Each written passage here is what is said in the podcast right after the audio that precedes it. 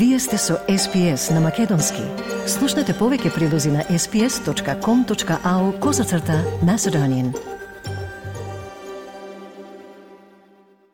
Бугарските членови на Клубот за бугарско-македонско пријателство не ја прифаќаат декларацијата на бугарското манара за македонскиот јазик, во која, како што велат, експлицитно се нагласува дека Бугарија продолжува да не го признава македонскиот јазик. Според нив, ваквата декларација непотребно го усложнува и го попречува процесот на сближување меѓу Бугарија и Македонија и им служи на интересите на субјектите од двете страни на границата, кои конфликтот го претворија во поле за заработка на дивиденди. Во реакцијата се вели дека создавањето на современите официјални литературни јазици е сложен историски процес што траел во Европа од 16 до 20 век. Во него е можно на историски иста диалектна основа, но поради различни историски, културни и политички фактори, да се формираат повеќе од еден литературен јазик, се вели во реакцијата на бугарските членови на Бугарско-македонскиот клуб на пријателство. Тие велат дека македонскиот литературен јазик е формиран од диалекти кои од историски и политички причини останале надвор од процесите на создавањето на бугарскиот литературен јазик. Тој постои најмалку 70 години и има своја сложена судбина. Одамна не е диалект на бугарскиот, бидејќи за разлика од кој било диалект, тој во целост им служи на сите сфери на јавниот живот, официјално се користи во училиштата, болниците, административните канцеларии, војската и полицијата, во науката и во уметноста. На него е создадена книжевна традиција која има своји значителни достигнувања. Македонскиот јазик и македонската литература се изучуваат на голем број од најпрестижните универзитети во светот, од кои корист имаат не само граѓаните на Македонија, туку и влијателната македонска диаспора. Меѓународните договори се подпишани на македонски јазик, а другите 26 членки на Унијата имплицитно признава дека по евентуалниот прием на Македонија во Европската Унија, овој јазик автоматски ќе стане еден од официјалните јазици на Унијата, се наведува во документот на бугарските представници на клубот за бугарско-македонско пријателство.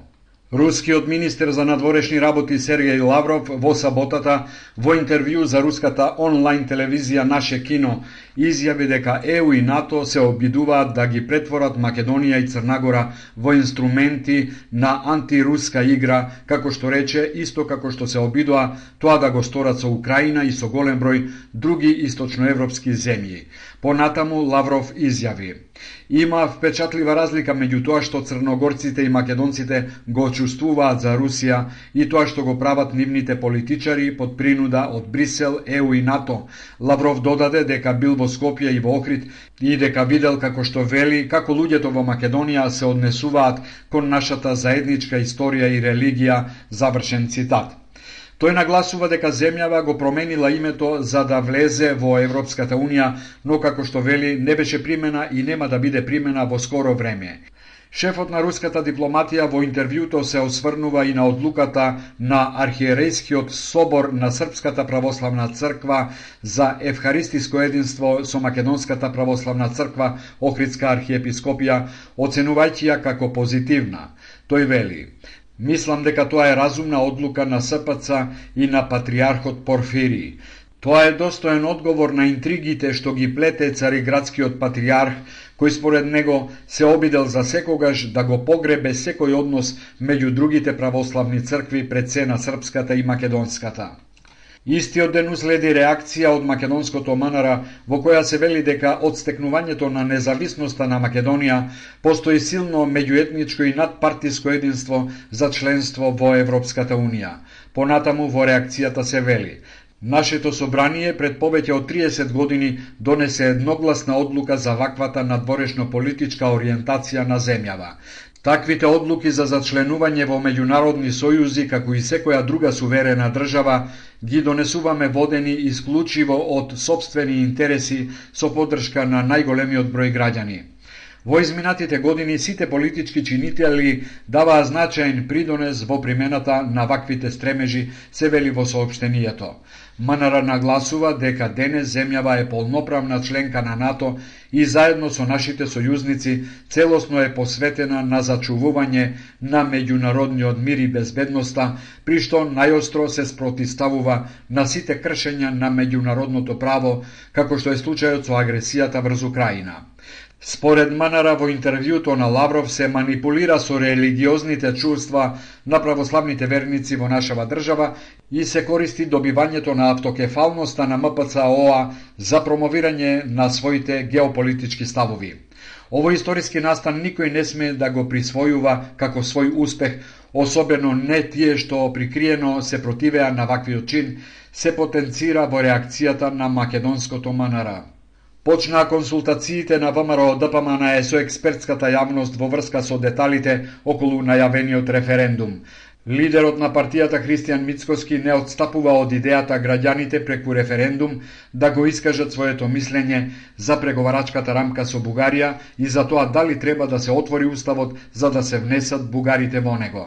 Во периодот кој што следи ќе продолжат консултациите со експертите, со јавноста околу тоа каква форма ќе биде референдумот, задолжителна, консултативна, кога би се одржал тој референдум, кој би го поднел, дали пратениците, дали тоа ќе бидат 150.000 граѓани, дали ќе биде референдум, референдум се извинувам, предходен или последователен, дали ќе се однесува на преговарачката рамка или на делот на преговарачката рамка кој што се повикува на билатералниот договор со Бугарија и изворот на проблемите, а тоа е протоколот.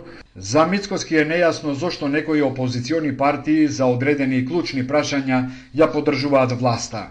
Тој се сомнева дека се работи за прикриена соработка. Противници на ваквото референдумско изјаснување на народот се власта и они инсталации на власта во опозицијата. Тоа е една чудна ситуација која што ги обединува тие инсталации на власта во опозицијата и помеѓу македонскиот народ и самата власт. На изјавата на Мицкоски реагира СДСМ. Партијата смета дека лидерите на ВМРО ДПМН и на Левица се единствените кои сакаат референдум. Во реакцијата се вели Христијан Мицкоски денеска призна дека тој и Димитар Апасиев се сами и изолирани против ЕУ и немаат поддршка ниту од другите опозициони партии. Целото свое политичко делување Мицкоски го сведе на ширење лаги, манипулации, на крвави сценарија, обиди за блокада на државата и европската иднина на граѓаните, пишува во реакцијата на СДСМ. Во саботата во Охрид се отвори српскиот конзулат, на кој за почесен конзул е избран охриѓанецот Михајло Филев. На свеченоста присуствуваше министерот за надворешни работи на Србија Никола Селаковиќ. Тој рече дека билатералните односи меѓу двете земји се добри во многу сегменти, втемелени на заедничка историја и блиските врски на двата народа, но и заедничката определеност за еднината. Селаковиќ изрази уверување дека отворањето на конзулатот во Охрид, што ги покрива териториите на Охрид, Струга, Дебрца, Вевчани, Дебар и Центар Жупа, ќе овозможи унапредување на соработката на Србија со Македонија. Министерката за култура Бисера Стојчевска подвлече дека отворањето на конзулатот е, како што рече, уште една потврда и силен поттик за унапредување на билатералната соработка меѓу нашите две блиски и пријателски земји во сите области од заемен интерес, посебно на планот на економско-трговската соработка, културата и посебно во делот на туризмот. Таа најави дека наскоро ќе треба да биде подпишана и нова програма за културна соработка, која значително ќе ја зголеми презентацијата на македонската култура во Србија, но и представувањето на српската култура во нашава земја. Сакате ли да чуете повеќе прилози како овој? Слушате подкаст преку Apple Podcasts, Google Podcasts, Spotify или од каде и да ги добивате вашите подкасти.